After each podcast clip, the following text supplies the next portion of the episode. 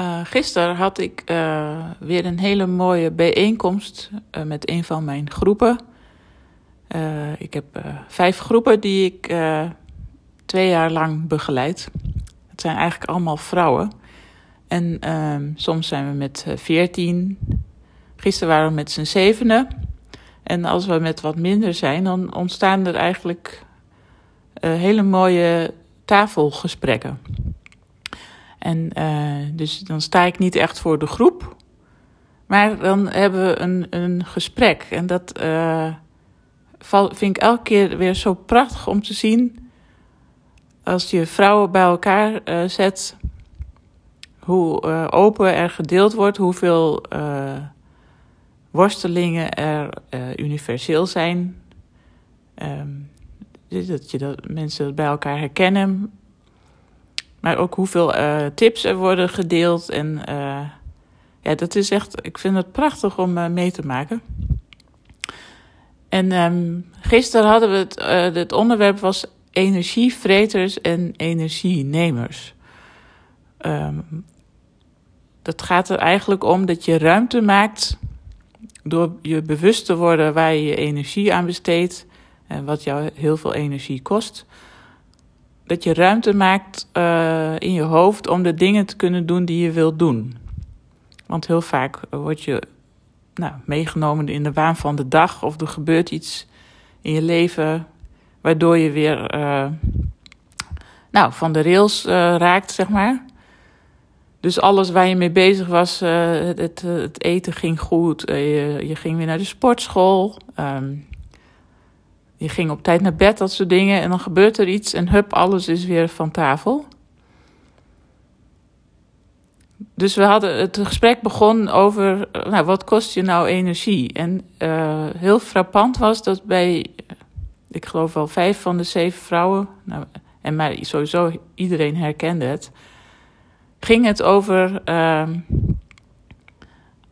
verantwoordelijkheidsgevoel. Dus ik dacht ook, ik ga deze podcast verantwoordelijk noemen. Dus de V van verantwoordelijk.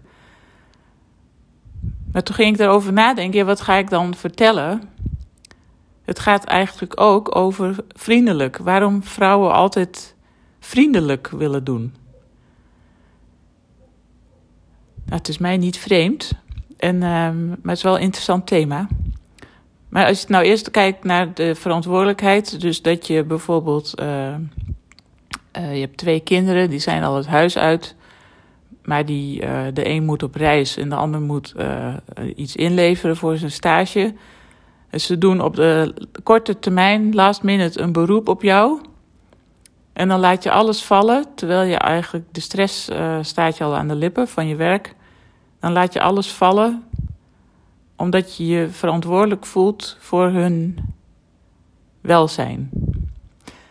Uh, nou, een ander voorbeeld is uh, een, een, een huwelijk waar je helemaal niet naartoe wil. Maar om een andere persoon in de familie niet te kwetsen. En de rest gaat niet. Dus dan denk je, nou dan ga ik maar, want de rest gaat, gaat al niet. Dus dan kan ik het niet maken om niet te gaan. Dus je gaat omdat je je verantwoordelijk voelt. En nog een voorbeeld was van iemand die uh, beide moeders ziek zijn, dus de moeder en de schoonmoeder. En er zijn meer kinderen om uh, zorg op zich te nemen, maar eigenlijk nam zij het grootste deel van de zorg op zich. Uh, omdat ze zich verantwoordelijk voelt. En ook deels omdat zij denkt, ja, ik, ik kan dat toch het beste. Um, en dat gebeurt ook veel bij vrouwen. Dat je dingen niet uit handen geeft omdat je de lat heel hoog hebt en dat je denkt, nou ja, laat mij het maar doen, want dan gebeurt het tenminste goed. Ja, dus dat, dan lopen allerlei dingen door elkaar. Verantwoordelijkheidsgevoel, uh, het, het goed willen doen, de lat heel hoog hebben liggen, perfectionisme uh, noem maar op. Nou, en er was er nog een voorbeeld van iemand die werd overspoeld door uh, berichten in een WhatsApp-groep op haar werk. En daar had ze even wat van gezegd. Van jongens, kunnen we niet beter uh, live bij elkaar komen om dit te bespreken? En um, nou ja, dat werd niet helemaal goed opgepakt en begrepen. En toen ging ze ook nog sorry zeggen voor haar bericht. En dat is dan weer die vriendelijkheid. Um, ja, dus het is een, een heel interessant thema. En uh, heel goed om je bewust van te zijn. Want het, gisteren bleek ook weer hoe die dingen, als je het hebt over wat staat mij in de weg om mijn doelen te behalen. En hoe komt het dat het, dat het de afgelopen twee weken weer totaal niet gelukt is om gezond te eten? En om de, naar de sportschool te gaan? En uh, waarom zit ik uh, toch weer op de bank s'avonds uh, chips te eten? En loop ik weer naar de kast om, om wat te gaan eten? Dat soort dingen. Dat komt weet ik wel bijna zeker, door die, dat je veel te veel hooi op je vork neemt, waardoor je zelf eigenlijk niet aan bod komt. En je overal verantwoordelijk voor voelt, maar niet voor jezelf, want dat vergeet je dan. Dat je daar ook verantwoordelijk voor bent. Dus we voelen ons heel verantwoordelijk voor het welzijn van een ander. En omdat we altijd vriendelijk willen zijn, want zo zijn we denk ik opgevoed dat wordt verwacht van vrouwen, dat je niet vriendelijk doet.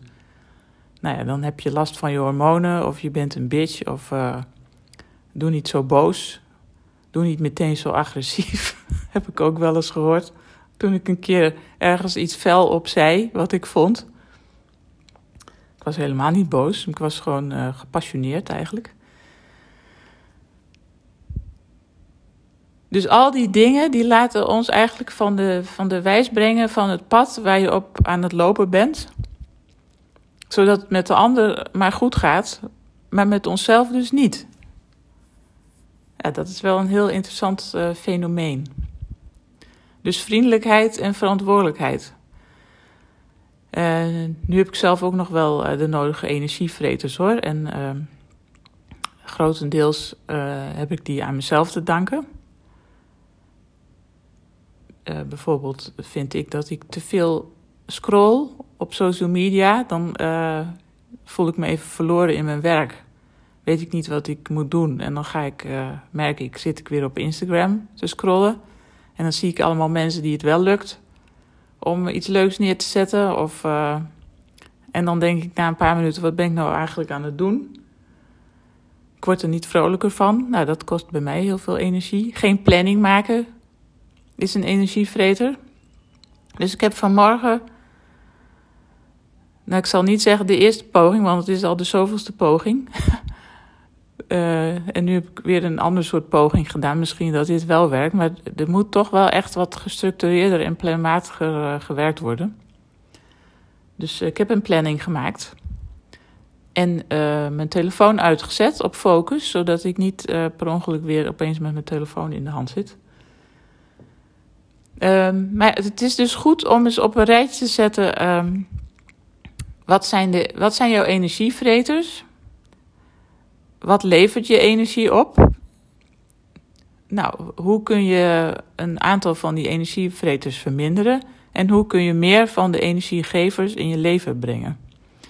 En het is heel goed om eens bewust te kijken naar hoe verantwoordelijk jij je voelt voor dingen die je eigenlijk ook een beetje af zou kunnen stoten. En dan komt natuurlijk die vriendelijkheid om de hoek kijken.